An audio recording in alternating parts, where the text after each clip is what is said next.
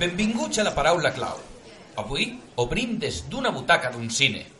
Tenim una entrada per a gaudir del recopilatori de clichés més exagerats compilats en un tràiler sonor exclusiu per al programa. El tràiler reuneix una bona dosi d'estereotips molt negatius sobre un país europeu desaparegut als mapes. Un lloc, segons ens diuen, farcit de lladres i lladregots. Agafeu un bon grapat de rosetes, bufes, crispetes... Silenci, que comencem.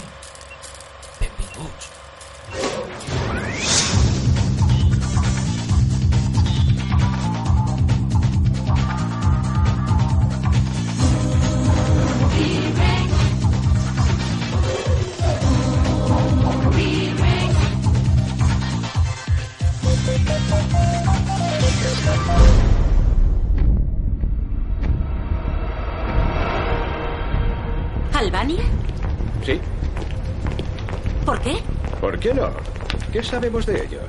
Ella y su amiga fueron víctimas de unos albaneses que la secuestraron al llegar. Casi nada. Exactamente. Parecen sospechosos. Llamo a la policía. ¡Mi Mercedes! Me han atacado a punta de navaja.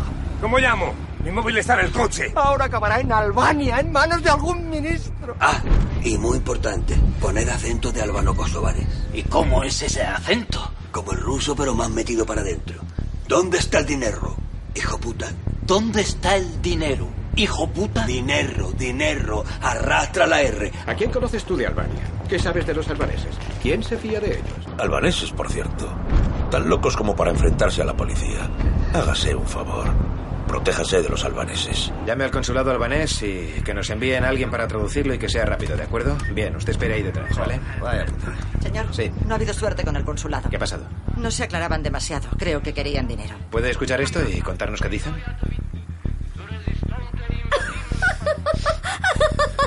Qué se ríe? ¿Sabe de lo que hablan? Sí, sé de lo que hablan. Incluso sé quién es. ¿Sabe quién es? ¿Sabe sus nombres? ¿Qui- ¿Quién es? Es Enver Hoxha. ¿Quién? Fue presidente de Albania. A ver, está diciendo que el expresidente de Albania está robando un banco. Hemos descubierto que tienen la bomba. Unos terroristas albaneses han colocado una maleta bomba en Canadá en un intento de introducir la bomba en los Estados Unidos. No, no, esperen, esperen, esperen un momento. Alto, alto, alto, alto. No, no, no tienen la bomba porque ellos deberían tener misiles y toda esa parafernalia. No, ellos son una pandilla de palurdos. Para empezar, a esta casa no vendría un niño francés. Aquí recibirían un albanés. ¿De ojos rosas y pestañas blancas? No, no, no, albino no, un alumno de Albania, un país del Adriático. Puede que su acento os resulte peculiar y algún aspecto de su cultura os parecerá absurdo o incluso ofensivo. Pero yo os ruego que le concedáis el beneficio de la duda, única manera de intentar comprender a estos nativos retrógrados que nos llegan desde el tercer mundo.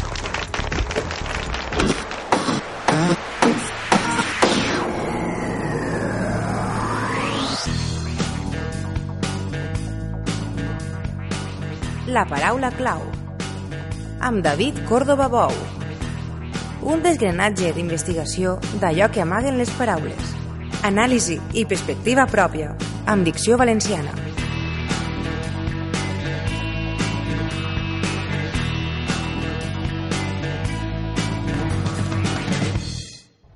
Quan enjuntem les paraules prejudici, televisió o cinema, pocs llocs al món han patit el que li ha pertocat a la terra de les àguiles.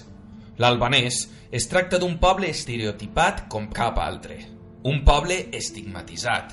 Segons ens diuen, ple de col·leccionistes de vells Mercedes-Benz, d'aquelles limusines dels 90, tintades de negre, que transporten ronyons, fetges i altres òrgans humans en una terra de búnkers, metralletes i gasolineres tancades, sulfatades amb un encara boirós llegat comunista que rebufa per l'ambient. De primera mà puc dir que tot aquell albanès que he conegut avorreix i defuig els prejudicis que han marcat el seu poble des de fa dècades. Però què hi ha de cert darrere de tots aquests tòpics? Què amaguen els albanesos? Per què sent un poble ubicat a Europa és tan desconegut? És segur viatjar a Albània? La paraula clau d'avui, pornessa, n'és una clarividència, que no totes les coses són el que aparenten ser. Una perfecta representació d'allò que sembla, sense alçar sospites, el que percebem amb els nostres sentits, però que en cas de furgar una miqueta, si descosim les voreres de l'aparença, observem una realitat totalment contrària a la qual podríem creure en principi. Tot això i més a Skipper, Albània en albanès. Posem rumb cap als Balcans.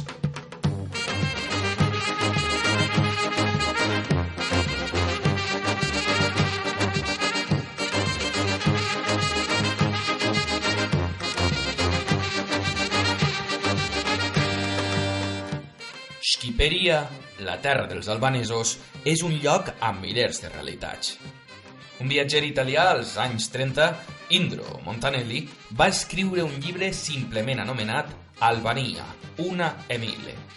Ubicat en una cruïlla entre Orient i Occident, amb costums ancestrals, amb una llengua única, amb la influència de mil cultures des de l'imperi cristià de Roma, més tard Bizanci, fins als musulmans otomans.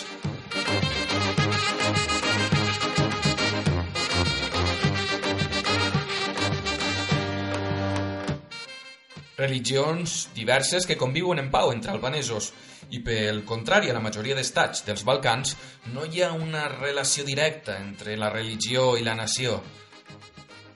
Entre altres raons, perquè la religió dels albanesos, podríem dir, és l'albanisme. No disgreguen entre cristians o musulmans, simplement són guerrers, com ho foren els seus ancestres. I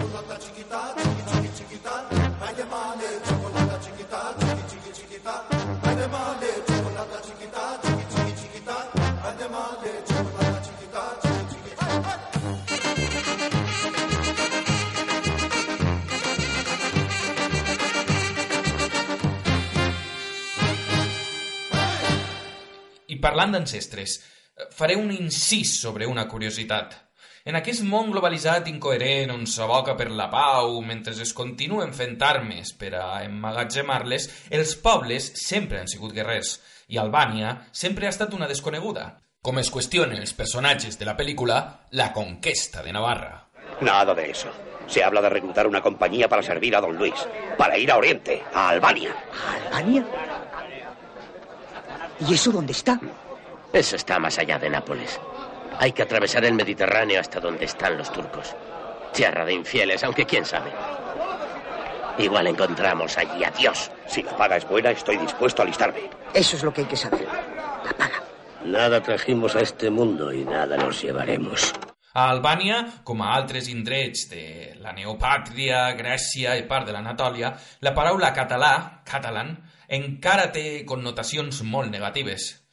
Presentats com a cavallers honrats, segons la narrativa catalanista e inclús franquista, els almogàvers de la Companyia Catalana d'Orient eren més aviat uns poderosos mercenaris enviats per salvaguardar un decadent imperi de Bizanci. Encapçalats per Roger de Flor, els almogàvers no eren només catalans, provenien de tota la corona d'Aragó. Amb l'assassinat del seu comandant en cap, per ordre del fill de l'emperador bizantí, Montaner, Rocafort i companyia es van dedicar a destrossar el territori dels traïdors, amb el que es coneix com a venjança catalana. Els monjos del Montazos encara ho recorden. Desperta, ferro! Desperta!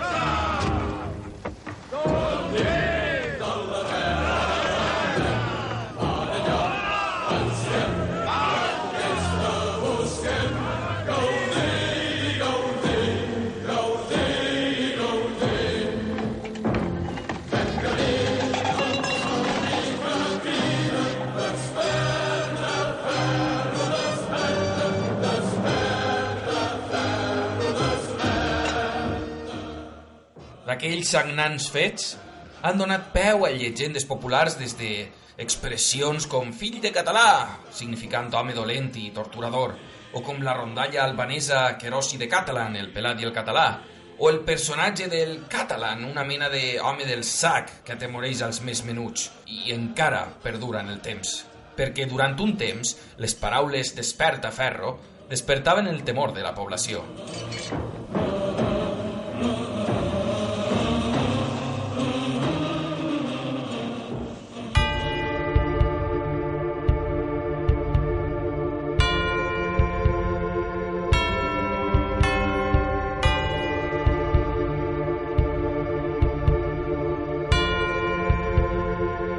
Desperta Ferro, com crida la cançó del grup de folk eteri terrassenc Narcilion.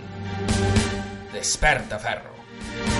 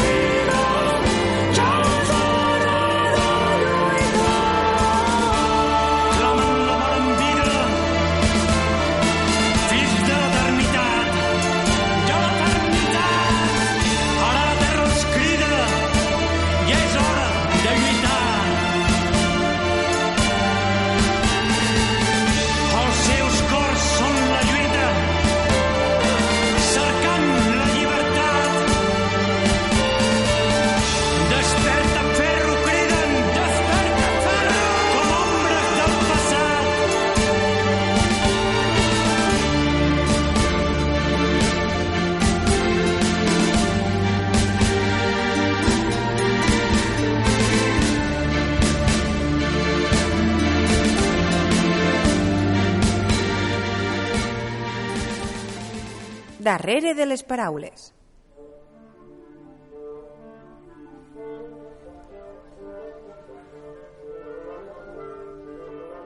George Castriota Skanderberg. Skanderberg, l'heroi nacional, és el Jaume I albanès, el símbol de lluita contra els turcs.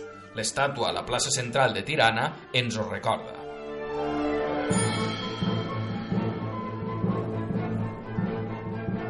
Homenatjat a pel·lícules, poemes i fins i tot per Vivaldi amb l'òpera que està sonant de fons.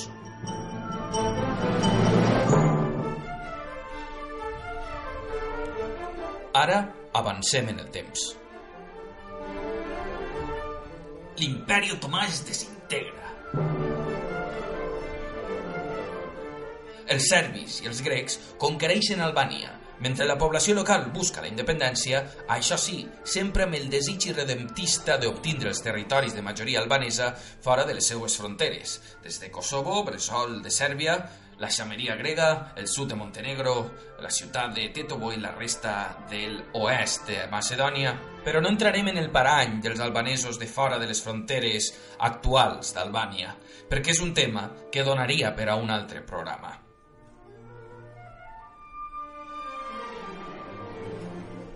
Després de la Primera Guerra Mundial, l'Itàlia pre-Mussolini ocupa el país i fa fora serbis i grecs. Parlem d'un territori oriental amb trets occidentals. Abans de la invasió de Mussolini, Ahmed Zogoli es converteix en el president de la República. Més tard, s'autoproclama rei.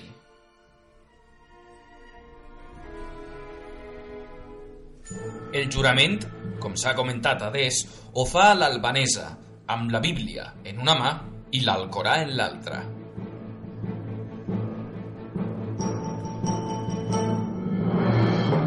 Després d'uns pactes poc fructífers, Zog fuig amb totes les reserves d'or del país i llavors Mussolini envaeix Albania. Il Gran Consiglio del Fascismo, presa cognizione del voto solenne e unanime, col quale la Costituente albanese ha deciso di offrire la corona di Albania al Re d'Italia e imperatore di Etiopia, saluta con gioia virile questo evento storico.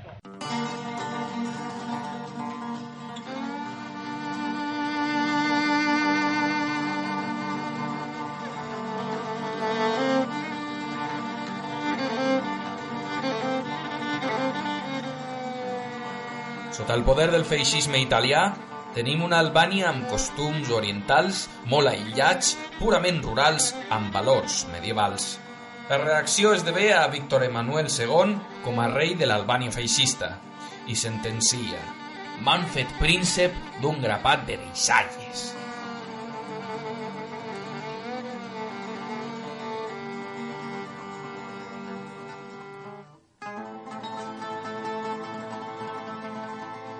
Durant la guerra, les potències de l'Eix fan complir el somni d'una gran Albània del 1941 al 1943.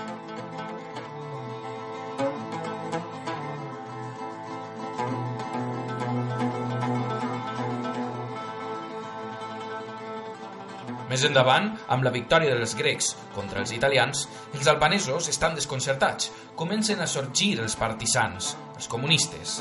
El front proclama el govern. El ministre de Defensa no és un altre que Enver Hoxha. A partir d'aquest moment, Albània i Enver Hoxha seran dues paraules que aniran de la mà. Enver Hoxha en prehispaten edhe i helo Hoxha i els seus comunistes rebutgen una federació balcànica proposada pel mariscal Tito. Quan Belgrat trenca amb Moscou, Tirana s'acosta als ideals de Stalin. Durant els anys 40, Hoxha transforma el seu autoritarisme en una de les pitjors dictadures d'Europa. Podríem anomenar-la com una mena de stalinisme surrealista.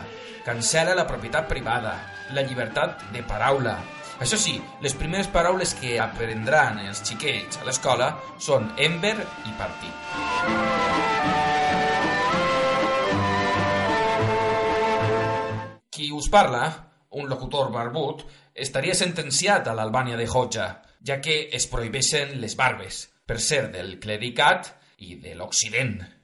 Amb la prohibició de la religió, Albània passa a ser el primer país ateu del món a l'any 1976. El líder soviètic Khrushchev excombrega Albània, quedant-se abandonada de la resta del món, sense diplomats, fora del bloc de l'est i de l'oest. Hoxha vira cap a la Xina, i són els xinesos els que eviten el col·lapse albanès durant un temps, ja que més tard Hoxha trenca amb el poder xinès. La pobresa, la desesperació, no es resolen amb la nova teologia que gira al voltant de Hoxha i l'home nou, l'albanisme comunista. Albània, sense relacions amb la resta del món, es prepara per a la guerra, la guerra sense enemics. Comença la bunkerització d'Albània, un país engolit en un búnquer tancat, que no para de construir búnkers per tot arreu. Ni tan sols la mare Teresa, l'albanesa més famosa del moment, podia entrar. Es construeixen centenars de milers de búnkers en un país on regna la paranoia. Tots són enemics. L'enemic de classe, els dissidents, la Singurimi, la policia secreta, sembra el terror. En un acte de bogeria conspirativa es comença a assassinar a funcionaris i ministres sospitosos. La ràdio representa, com sol fer sovint, la realitat de la nació. Radio Tirana és un clar exemple de la bogeria de Hoxha. Per una banda, acusant a l'Occident capitalista d'imperialisme i per l'altra, a l'Orient, és a dir, a l'est soviètic, de revisionisme.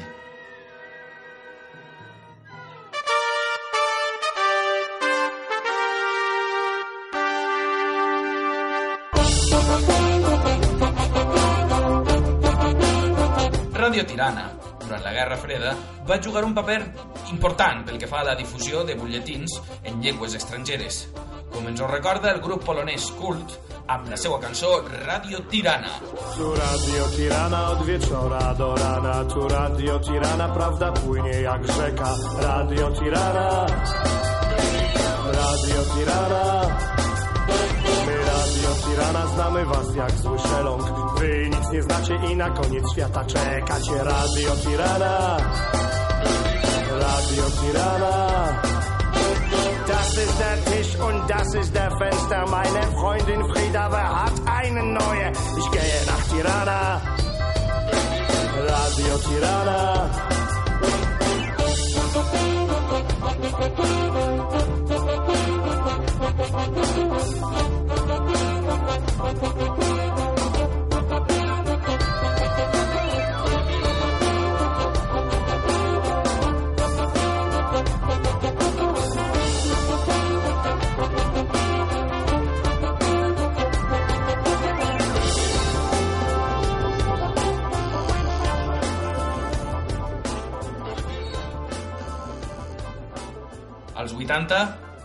Dictador moribund, el règim perdura fins a la caiguda del mur de Berlín.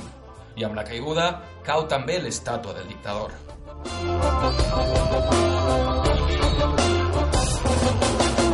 Al nostre segle, Albània encara no ha aconseguit eixir de la foscor de Hoxha, i tot i anar a poc a poc fent camí per obrir-se cap a Occident, tots aquells anys d'aïllament han generat una societat tancada en si mateixa, retroalimentada per les seues tradicions, a ulls d'un forani com una cultura aliena, estranya, inhòspita, amb una corrupció sistèmica que ve heretada i recolzada per la màfia albanesa, fent de Kosovo i Albània els dos estats actuals albanesos els més corruptes dels Balcans.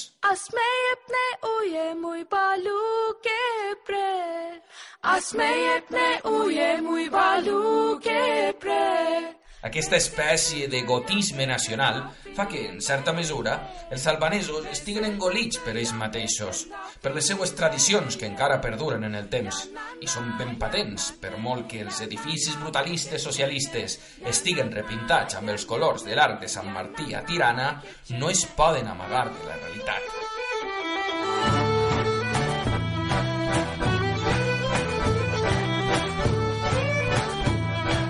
Aquesta realitat té uns antecedents tradicionals, a oïda d'alguns oients tan retrògrads, patriarcals i sorprenents com la paraula clau del programa d'avui.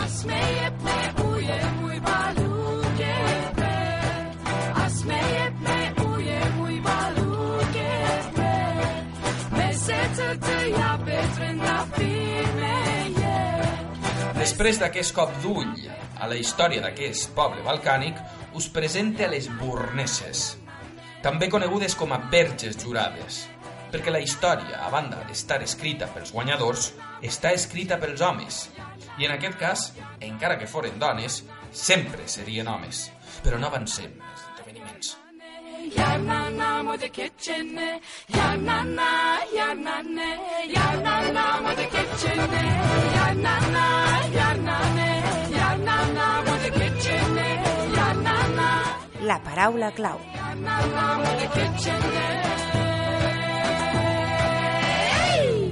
Tot i que jo no sóc partidari del desdoblament de gènere, per poder parlar dels protagonistes o de les protagonistes del programa d'avui, és inevitable caure en la diferenciació de gènere, d'entre altres perquè aquestes persones no ho fan.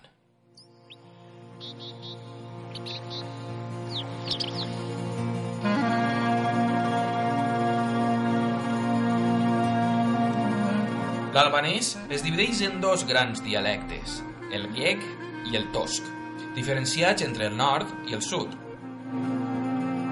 Posem l'esguard cap al nord. Situant a Escodra al mapa, ens dirigim cap als Alps dinàrics, on encara, a les viles, es pot sentir la salutació Allé Burnès, que literalment vol dir Ets tan fort com un home?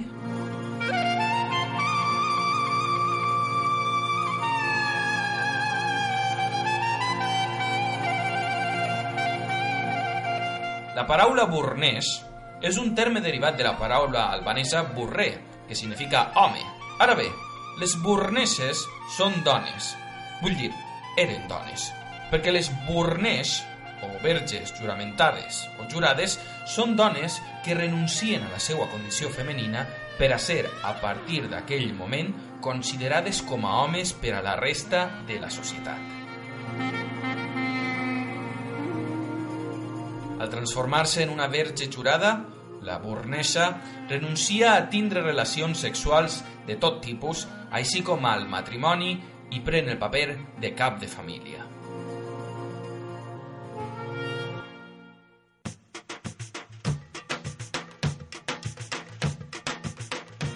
Aquest fet ocorre quan el cap de família és mort, assassinat o per mort natural, i no hi ha un baró que puga fer-se càrrec de la família. La transformació consisteix en un jurament davant de l'assemblea dels ancians del poble. Jura mantenir la seva castedat en una promesa sagrada i de per vida, mentre li tallen els cabells. I des d'aleshores és tractada com a un home.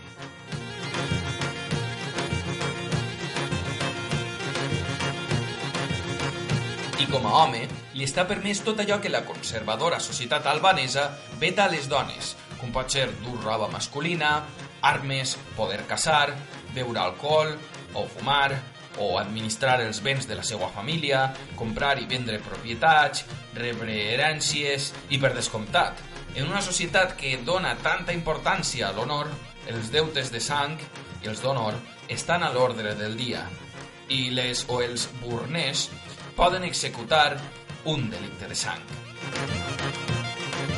L'honor, juntament amb altres codis de conducta, estan regulats pel cànon, un conjunt de lleis de justícia insòlites als nostres temps, que encara regeixen la vida de part dels albanesos.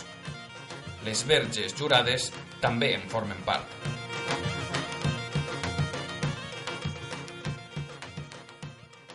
Per introduir-nos en les lleis de l'única forma institucionalitzada de canvi de gènere a Europa, contem amb l'ajuda de Josep Dorca, llicenciat en Història Contemporània per la Universitat de Barcelona, col·laborador d'Històries d'Europa, expert en els Balcans i creador de Balcània. Això és En Clau d'Entrevista. En clau d'entrevista.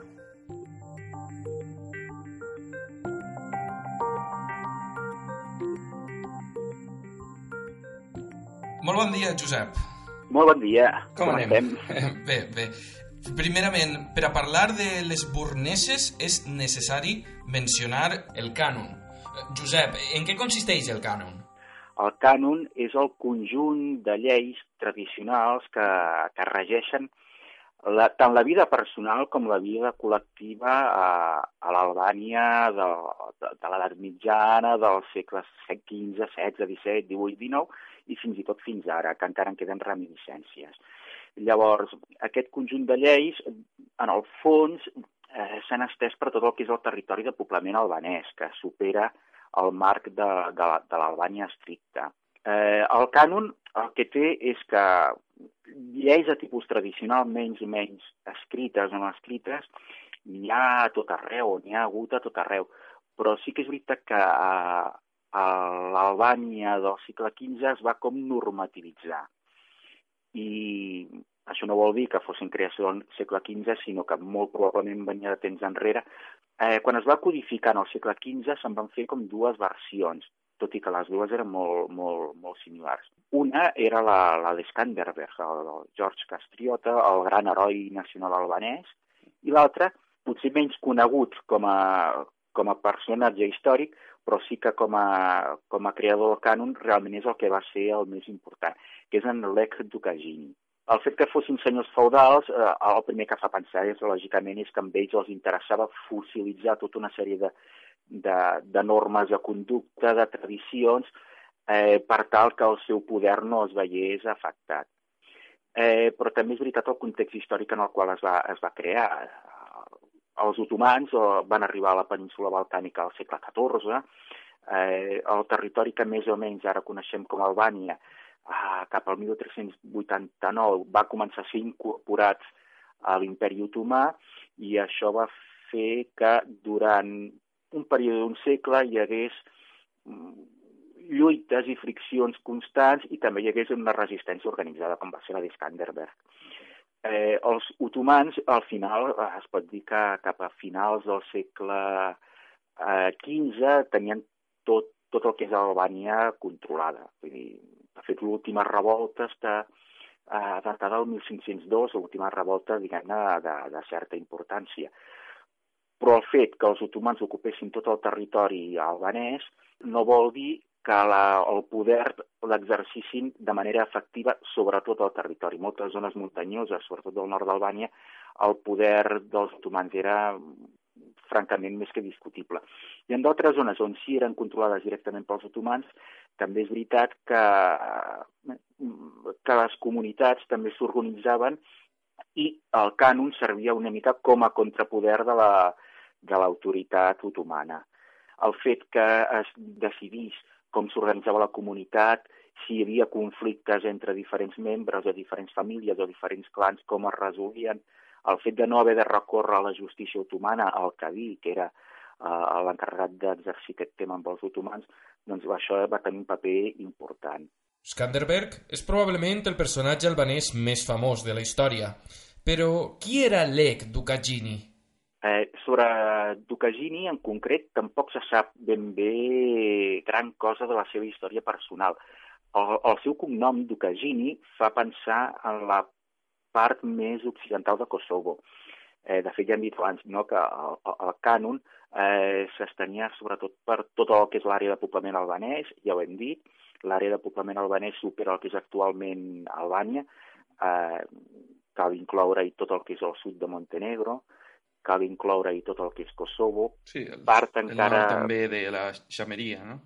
La Semeria, el nord de Grècia, eh, bona part de la Macedònia més, més occidental, i per tant era molt, molt extens.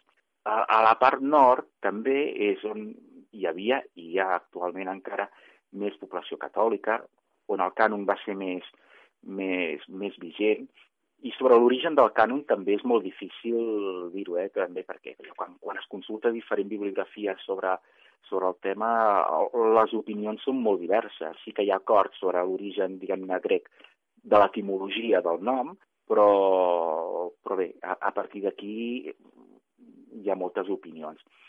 Una de les més esteses, eh, lògicament en el cas albanès i des de la perspectiva albanesa, és la de l'origen il·líric de, de bona part d'aquestes lleis. De fet, la mitologia nacionalista albanesa sempre ha volgut fer recular els seus orígens fins a l'època dels, dels il·liris, dels quals ells sempre s'han manifestat com a, com, a, com a descendents. I en aquest sentit, eh, durant els anys de, que va estar en el poder en Berhodja, el règim estalinista albanès, doncs, també van defensar apassionadament aquesta tesi, eh? vull dir que no...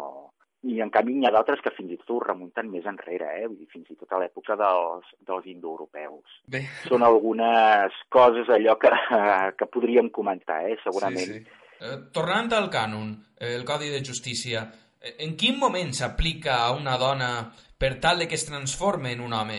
És a dir, en quin moment passa a ser una bornesa? A veure, clar, dins, de, dins del cànon, clar, es regulen moltíssimes coses, no? Llavors, clar, una de les coses que es regulen és també el, el paper de la dona. Fins a cert punt es pot considerar que el cànon té una clara voluntat de, de control social i el paper de la dona eh, en una societat com, com era l'albanesa, doncs era important doncs, acotar quin era el seu poder. El seu poder era molt, molt, molt limitat. Llavors, en, en aquest sentit, el paper de la dona doncs, quedava com molt... És a dir, a les famílies a qui exercia el poder era el baró, hi havia un cap de família, que era qui es relacionava amb la resta de clans, i només en els casos on no hi hagués un baró que pogués exercir aquest poder, podia passar a ser ocupat per, per la dona. Últimament, en el segle XX, eh, sobretot en els últims 50-60 anys, sí que sembla que hi ha hagut casos on pot haver estat més, eh, més, més decisió de la dona en determinades circumstàncies poder arribar a assumir aquest paper, aquest rol. Clar, de fet, el, el règim comunista va atacar molt l'estructura dels clans, va atacar molt tot el, tot el que és el cànon i, per tant, eh, va haver-hi certes escletxes perquè certes dones doncs, poguessin bueno, a, a actuar una mica, prendre aquest, aquest paper. Malgrat que pugui semblar com una possible via d'alliberament de la dona, en el fons, a la pràctica, el que demostra és el poder absolut de l'home.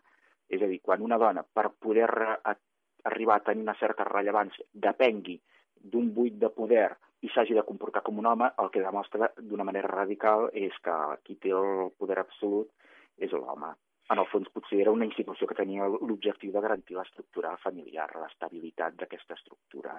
Segons tinc entès, en cas de vessament de sang, d'assassinat entre famílies, eh, en cas de no haver un home que es puga fer càrrec de la família, és eh, en aquest moment quan la bornesa passa a ser un home. Perquè el cànon es basa en aspectes molt marcats com l'honor, la lleialtat, l'hospitalitat... De fet, una de les lleis més monstruoses és la de la bala d'argent, la bala que li regalen al marit el dia del casament i que s'ha de guardar per si la dona fa alguna cosa fora de lloc. Sí, sí, sí, de, de, de, fet, de fet és això, eh? Vull dir, l'honor és l'element central del cànon, no? I, per tant, totes aquestes relacions amb les famílies venen marcades totalment per això. Per exemple, sobretot el que, el que comentes això, no? sobre el tema de, de la mort. Eh, comento una anècdota eh, que de fet és de l'any 1999, vull dir, per tant, ja és un cop eh, caigut el règim comunista i de fet té 17 anys, però que fins a cert punt explica la vigència encara d'alguna d'aquestes d'aquestes bueno, d'aquestes normes. No? El 1999 van haver una sèrie de manifestacions contra el cap del govern socialista, Fatos Nano, i en una d'aquestes manifestacions va morir eh, un noi relativament jove. Llavors, eh, quina va ser la reacció del principal partit opositor, que en aquell moment era el Partit Democràtic de Sali? Doncs el que van fer és, eh, emparant-se en el que és el cànon, portar el cadàver d'aquesta persona davant de la casa de qui es considerava l'assassí, és a dir, en aquest cas de, de, del cap de govern albanès, fins que reconegués eh, haver comès aquest crim. I, per tant, això demostra que moltes de les coses del cànon són encara relativament vigents. Uh -huh. I pel que fa a les relacions, aliances, de fet els matrimonis no deixen de ser més aliances, doncs tot això té, té molt a veure i ha tingut sempre molt, molt, molt a veure. Un dels casos més sonats és el de la casa com a santuari, no? La casa és per a Déu i per als convidats. I si hi ha un assassinat, l'assassí es pot amagar a casa i ningú pot violar aquest espai. No poden fer-li res. Pot passar la resta de la seva vida tancat a casa perquè l'habitatge és sagrat, segons el Codi de Justícia. Sí, de fet, el, el tema de l'hospitalitat i alhora el tema de la propietat són temes que queden com molt, molt, molt, molt ben delimitats. En el cànon i s'estableixen doncs, tot, tots aquests criteris, com aquest que tu comentes, no? vull dir que és molt important. I, de fet, eh, en el fons, el que fa és regular la violència, no? vull dir, de fet, el fet de regular la violència el que vol fer és garantir l'estabilitat social. Vull dir, sí, hi ha violència per algun fet, eh, pot haver-hi la vendetta, però eh, ha de quedar molt, com molt controlada. I tornant al comunisme, Enver Hoxha, que es va caracteritzar per les seues prohibicions, mm, pel que sembla no es va atrevir a prohibir aquest costum. Què, va passar no. durant el comunisme? A, a veure, uh, Clar, el que és veritat és que quan els comunistes arriben al poder van veure el cànon i totes les tradicions que santifica com un autèntic rival. Per tant, eh, tot aquest conjunt de normes permetien que la comunitat es governés, primer al marge de l'Estatut humà, vull dir que potser probablement va ser un dels seus motius pels quals va tenir tanta vigència, però després també al marge en bona part del, del nou estat albanès que es va crear, vull dir, l'any 1912-1913. Però clar, aquestes tradicions eren molt fortes. Per tant, d'una banda, volien combatre-les, però d'una altra banda no tenien prou força com per eliminar-les absolutament del tot. Això ha fet que en bona part hagin continuat eh, sobrevivint, tot i que cada vegada amb menys, amb menys, amb menys incidència.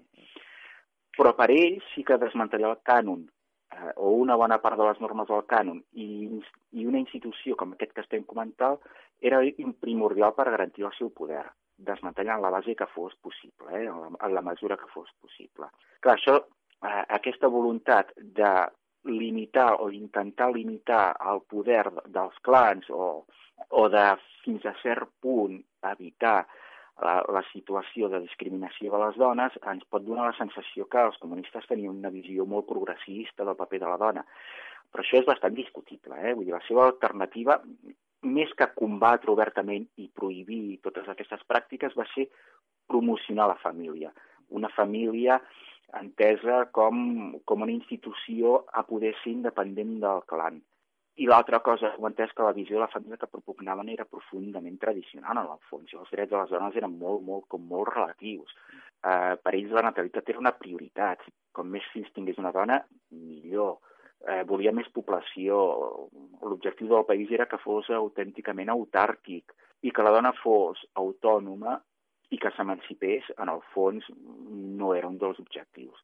Actualment, eh, encara en queden eh, mirant diferents documents, clar, és que la, la informació que hi ha és com molt diversa i de vegades fins i tot contradictòria, però es calcula que potser eh, que mantenen aquest estat doncs entre unes 50 i unes 400 dones. Això és el que he pogut eh, constatar i, mirant diferent, diferent informació. És veritat que aquestes dones són normalment persones d'edat d'edat ja bastant avançada. Vull dir que, per tant, tot fa preveure que molt probablement aquesta institució com a tal mm, pugui estar relativament a les acaballes i pugui, i pugui tenir una durada relativament limitada. Eh?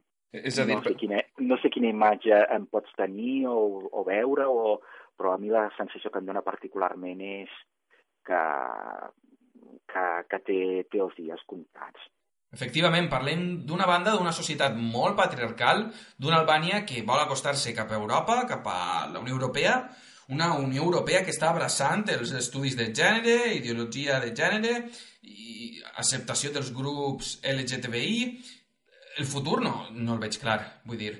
Crec que quedarà com a un acte etnològic i res més. De fet, la, la societat albanesa ha canviat molt i segurament més canviarà a veure, hi ha, en alguns aspectes, algun de, pel que fa a tot el que és qüestió de gènere, identitat sexual, tot això, a la nostra societat hi ha hagut canvis relativament importants en, en pocs anys. Aquests canvis també estan arribant al conjunt dels Balcans, tot i que potser en, en més amb lentitud, no? però, però ja estan arribant. Per exemple, a, a, els gais parells, que s'han anat fent els últims anys, han estat molt polèmics, algunes vegades han acabat amb violència. Recordo que fa 5 o 6 anys, a la festa, manifestació que es va fer a Belgrat, uh -huh. do, doncs es van acabar haver-hi manifestacions contràries, hi havia gent gairebé manifestant-se en contra, que no pas les persones que hi participaven, i van haver-hi incidents violents amb, amb trets i, i ferits greus. Això va provocar que durant anys no es tornés a celebrar aquest any s'ha tornat a fer i aquest any ja no hi ha hagut cap incident, no? I realment representants polítics fins i tot hi han assistit, cosa que ja demostra un cert canvi.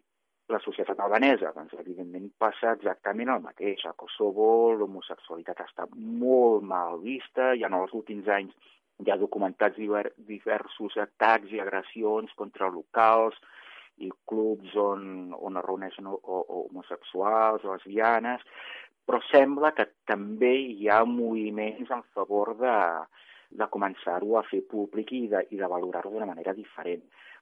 Per tant, probablement és possible que això també vagi, vagi canviant.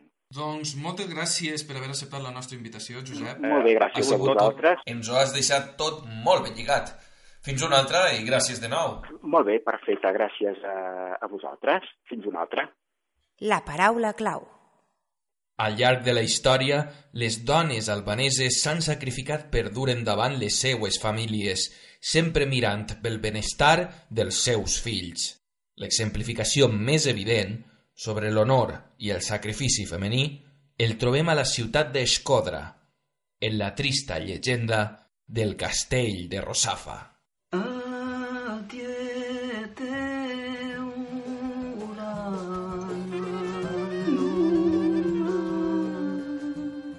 A la localitat d'Escodra, al cim del turó Valdanús, tres germans treballaven. Estaven construint un castell. El mur, que construïen durant el dia s'ensorrava a la nit. De sobte, un matí, va aparèixer un home d'avançada edat, a qui els tres germans van donar la benvinguda. Tot el millor per a vostè, bon home, van dir els germans. Malauradament, nosaltres pel dia treballem el mur, però de nit sempre s'enfonsa. Oh, bon home, pot donar-nos algun consell? Com podríem mantenir les parets d'en peus? Jo sé com, va dir l'ancià, però és un pecat contar-vos-ho. Als nostres caps es quedarà el pecat, perquè volem que aquest castell no se'n vaja en orris. El bon ancià s'ho va rumiar i llavors els va preguntar «Sou casats, valents treballadors? Teniu xicota a casa?» «Estem casats», van dir. «Els tres tenim xicota. Així que digues, què hem de fer per a mantenir aquest castell d'en peus?» «Si voleu que es mantinga, jureu pel vostre honor que no direu res a les vostres mullers, no direu res a casa sobre el que us diré. Demà, siga qui siga l'esposa que us porte el dinar, porteu-la al mur i amb vida emparedeu-la a la paret del castell.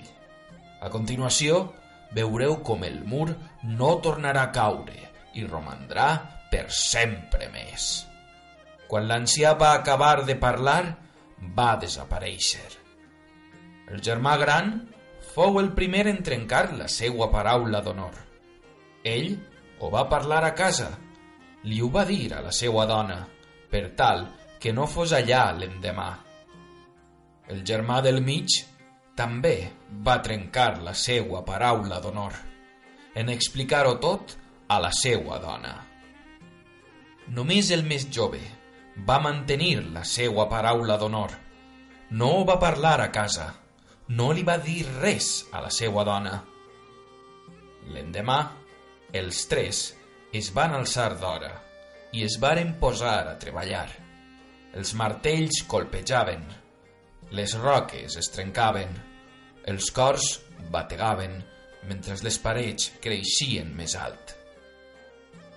A casa, la mare dels treballadors no sabia res.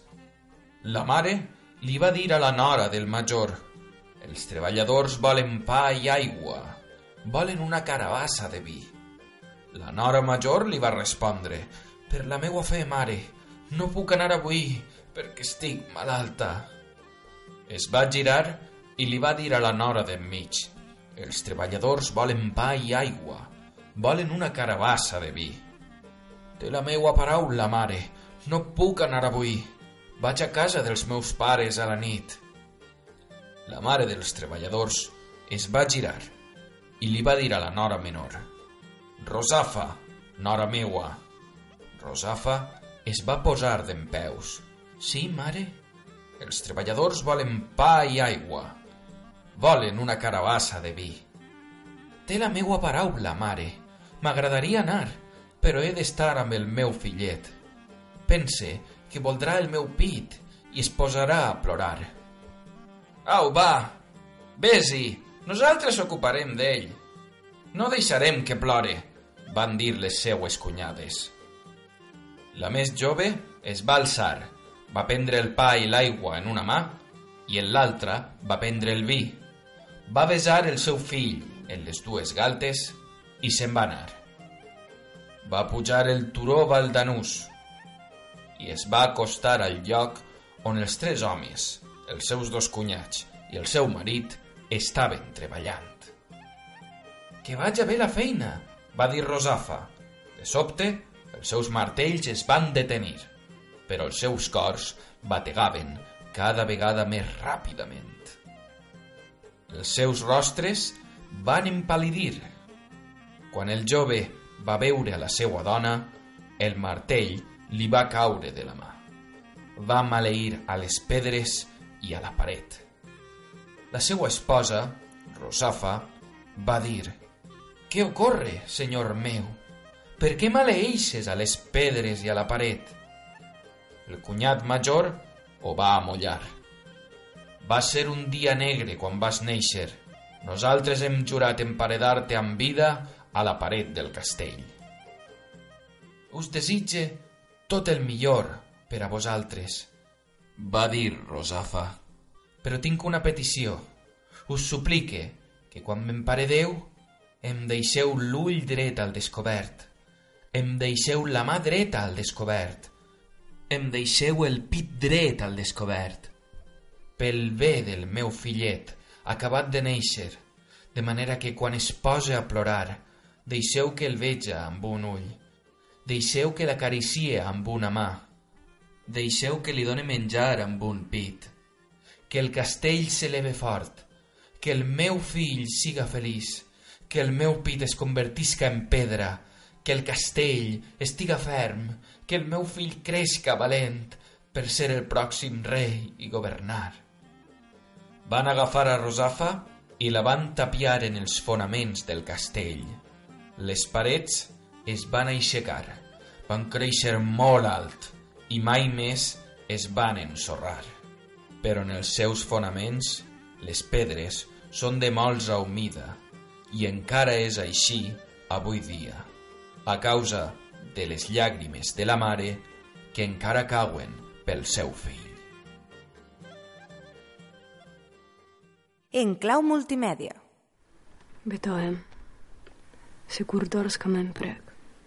ashtu si Zoti më ka krijuar, e ashtu dhe jata ka me majt. Betojem, na Virginin të me të priachme.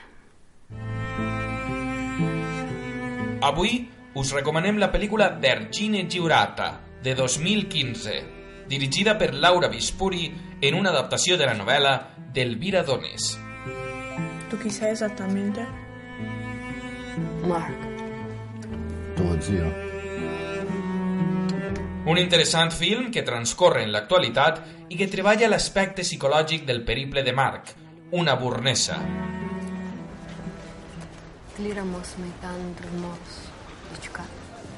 Un viatge que Marc farà per trobar, o millor dir, retrobar i acceptar la seua feminitat.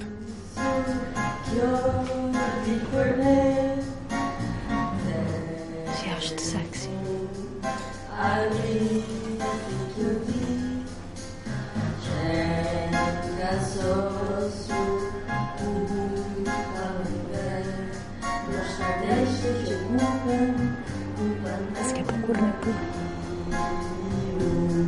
Durant el programa hem observat com les dones viuen sota el jugo d'una societat hegemònicament patriarcal.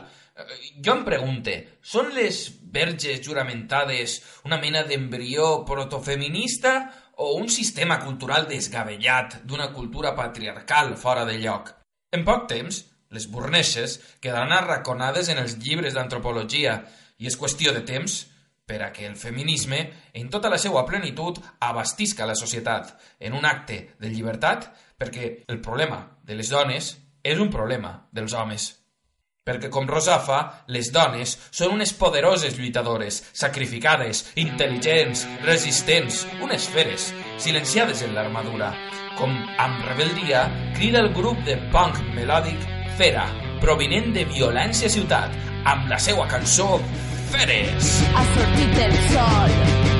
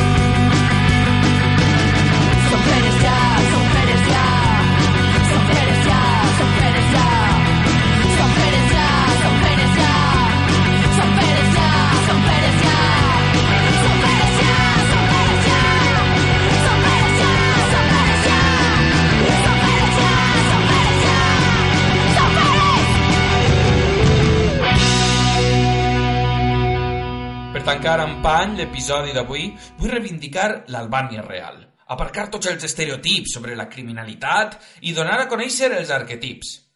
Com hem vist pel codi de conducta, l'albanès ha de ser hospitalari, perquè l'albanesa és una societat molt acollidora i humil, i en aquest cas, el símil que relaciona la pobresa amb el perill no va de la mà. Tanquem el programa remarcant la paraula viatjar com a l'única forma de mantindre's dins de la realitat que ens envolta. I si parlem de viatjar, pocs llocs millors que els Balcans. Balcán, Balcán, Balcán. Eh, balcañeros. Vamos. Sona Goran Bregovic, conjuntament amb els Gypsy Kings, amb el seu tema Balcanyeros. Adeu i fins al proper programa.